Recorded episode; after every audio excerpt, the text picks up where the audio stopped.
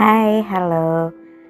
Balik lagi di sini sama gue Reren Hai Ratunisa. Ini podcast gue yang harusnya naik kemarin. Eh, ya pokoknya gue telat lah intinya. Karena ya sebagai ibu baru, gue butuh penyesuaian sana sini. Time manajemen perlu lebih disiplin lagi ya. Karena ya banyak hal tak terduga ternyata setelah punya anak. So ya, yeah, kali ini gue sebenarnya ini bahasan gue sama suami gue beberapa hari kemarin dan kayak menarik sih untuk dibahas di materi podcast kali ini. Jadi sebenarnya ini bahasannya anak Twitter kata suami gue kayak lagi rame di Twitter tuh membanding-bandingkan antara ibu rumah tangga zaman dulu dan ibu rumah tangga zaman sekarang. Yang katanya ibu rumah tangga zaman sekarang itu um, suka mengeluh lah gitu. Kayak waktu 24 jam tuh nggak cukup gitu untuk menyelesaikan semua uh, urusan domestik di rumah. Nah tapi kemudian ada yang bilang, loh dari dulu sampai sekarang waktu itu sama 24 jam. Kalau ibu-ibu zaman dulu bisa menyelesaikan segala urusan domestik. Kenapa ibu-ibu sekarang nggak bisa? Nah itu tuh ada menurut gue ada apa ya ada gap gitu. Uh, yang mana memang ya waktu sama 24 jam. Tapi menurut gue yang paling signifikan dan yang gue alami sendiri adalah distraction. Ibu-ibu zaman dulu karena kebetulan juga mungkin ibuku tuh termasuk bisa dibilang kategori ibu-ibu zaman dulu ya. Dan gue mungkin bisa masuk di kategori ibu-ibu zaman sekarang lah gitu. Walaupun ya baru beberapa hari gue menjadi ibu tapi I can relate gitu. Kenapa? Hmm, apa namanya?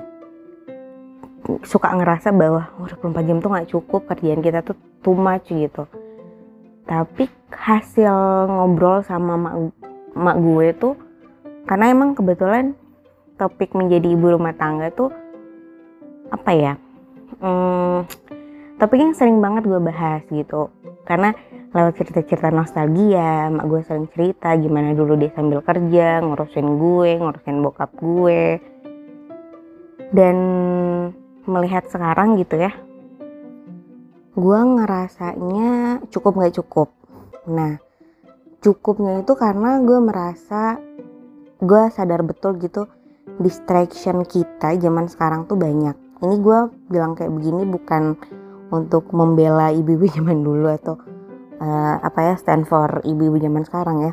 Nggak juga sebenarnya, tapi gue coba melihat dari kacamata gue, ibu baru ya. Tolong itu dicatat gue sebagai ibu baru.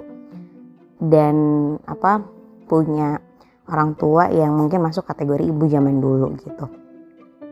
Sebelumnya sorry kalau misalnya uh, nanti ada sedikit noise dari anak gue karena dia ada di sebelah gue sambil gue gendong. Bukan di sebelah berarti di gendongan gue gitu ya. Nah lanjut. Jadi cukupnya itu karena sebenarnya kalau no distraction distraction yang paling besar buat gue pun ujian yang paling besar buat gue itu adalah scrolling handphone TikTok Instagram atau YouTube gitu kan. Karena dari zaman gue hamil itu sering banget gue lakuin. Jadi masuk ke rutinitas lah gitu kalau nggak tahu mau ngapain kalau misalnya baca buku gue ngantuk ya gue scrolling sosmed ya kan?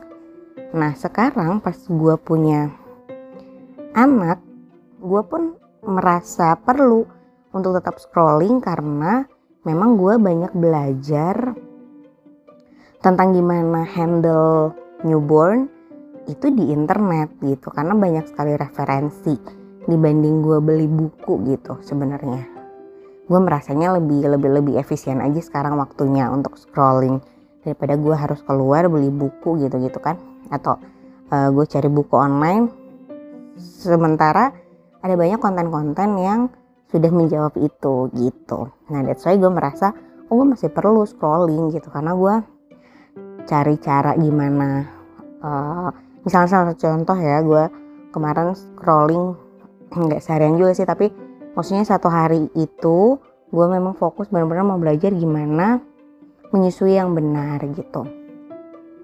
Karena kalau cuman uh, pakai pengalaman ibuku itu ternyata sangat beda jauh gitu. Memang zaman tuh udah berubah gitu.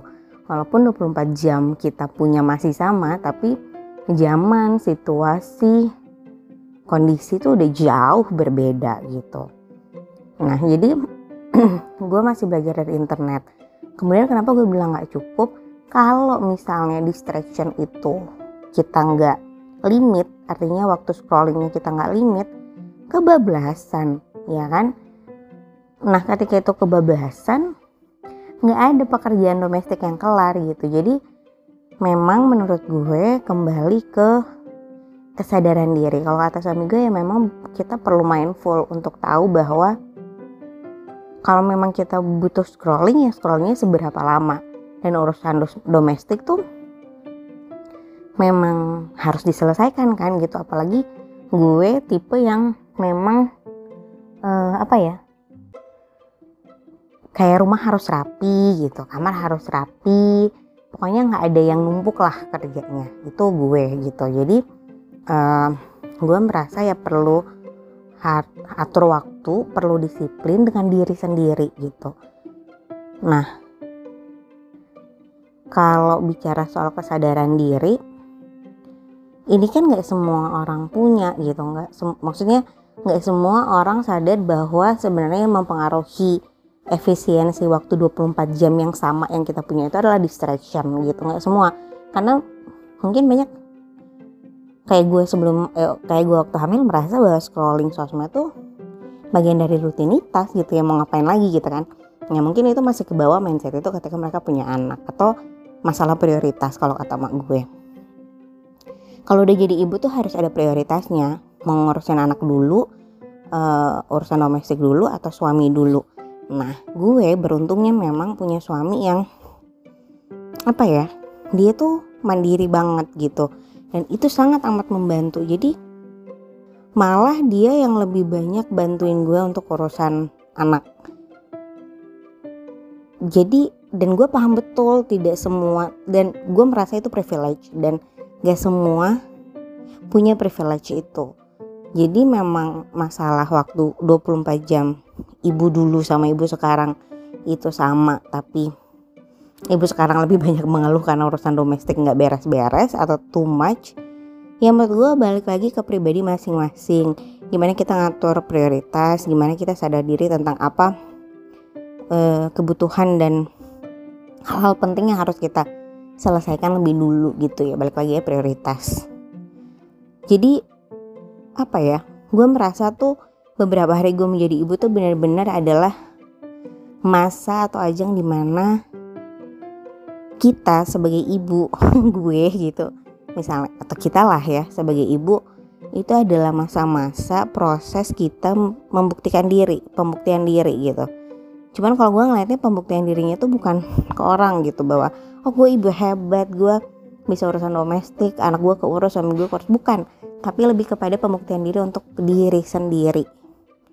Untuk tahu limit gue di mana gitu. Misalnya pun urusan domestik nggak kepegang semua misalnya cuman kepegang anak ya udah berarti limit gue gitu di situ gitu. Atau kalau misalnya memang kepegang semua ya udah berarti limit gue segitu gitu. Dan apa ya menurut gue nggak ada salahnya dengan itu gitu. Yang yang penting adalah kita sebagai pribadi sebagai ibu tahu gitu um, mana yang prioritas dan dan apa ya willing untuk untuk mau menyesuaikan diri gitu. Ya, jadi kira-kira segitu aja pembahasan gue di podcast kali ini. See you on the next episode ya. Bye.